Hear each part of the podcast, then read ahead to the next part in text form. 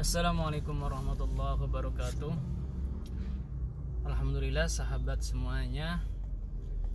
Hari ini kita masih diberikan kesempatan hidup oleh Allah. Dan ini merupakan kebahagiaan yang paling besar untuk kita manusia. Karena tanpa adanya kehidupan ini kita tidak akan bisa berbuat apa-apa.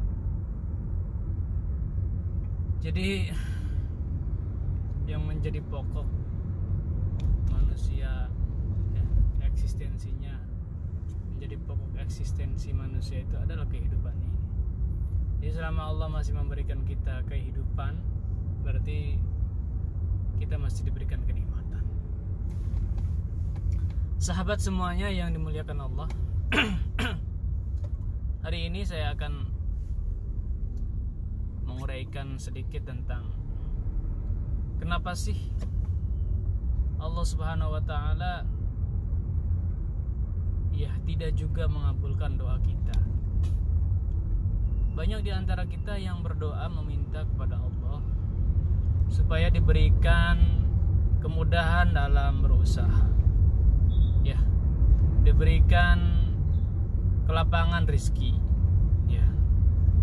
Diberikan harta benda yang melimpah. Semuanya mungkin ya. Manusia pengen itu. Ya tidak ada di dunia ini yang satu orang pun manusia yang bercita-cita untuk menjadi miskin. Semuanya pengen kaya.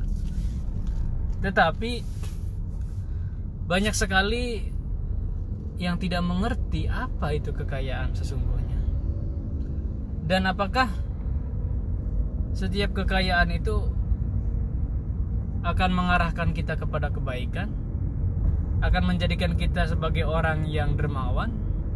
Menjadikan kita orang yang lebih rajin lagi? Menjadikan kita orang yang selalu mengikuti aturan-aturan? Menjadikan kita manusia yang baik atau justru sebaliknya? Dengan kemudahan-kemudahan ini dengan harta benda kekayaan ini justru kita menjadi orang yang jahat. Yang tadinya kita ini dermawan justru kita menjadi pelit. Yang tadinya kita ini rajin justru kita menjadi malas. Yang tadinya kita ini selalu menolong orang kemudian kita selalu berbuat jahat dengan mudahnya kita menzolimi orang lain. Dengan mudahnya kita menyakiti orang lain. Ini yang menjadi pertanyaan-pertanyaan kita semuanya. Harusnya menjadi renungan kita. Dan ternyata ketika kita memang belum di amanati oleh Allah ketika kita belum dipercayai oleh Allah untuk memegang uang yang banyak harta yang banyak uh, kekuasaan yang tinggi kita mungkin tidak bisa mengatakan ah nggak mungkin. Ya. Kita pasti akan mengatakan ah kalau saya jadi orang kaya dijadiin sama Allah orang kaya saya akan berbuat sebanyak mungkin kebaikan. Saya akan berbuat menolong orang. Saya akan berbuat banyak untuk membantu orang. Membangun masjid membangun pesantren membangun ya menyantuni anak yatim dan seterusnya dan seterusnya. Itu yang ada di dalam pikiran kita saat ini ketika kita belum diberikan amanat oleh Allah. Tetapi setelah terjadi barulah di sini adalah letak ujiannya. Ya ternyata fakta berkata lain. Ya faktanya tidak seperti yang kita bayangkan ternyata menjadi orang kaya, menjadi orang sukses, menjadi orang yang kekuasaannya tinggi, mempunyai pangkat yang tinggi, ya itu tidak semudah yang kita bayangkan. Ujiannya semakin besar, tantangannya semakin besar, ya godaannya pun semakin banyak. Kalau orang kita ini punya uang ya ibaratkannya satu bulan cuma 3 juta. Maka kita tidak akan mungkin berpikir untuk melakukan ya kemaksiatan. Tapi kalau kita uangnya satu bulan mendapatkan satu miliar, dua miliar, tiga miliar, bahkan misalkan sampai satu triliun, ya tidak ada yang tidak mungkin. Ya, ada orang yang kuat untuk digoda jabatan, kuat dia tidak akan tergoda. Ah, saya emang nggak mau jadi jabat, nggak mau jadi menteri, nggak mau jadi DPR, nggak mau jadi apa-apa. Saya mau jadi pengusaha. Oke, okay, bagus.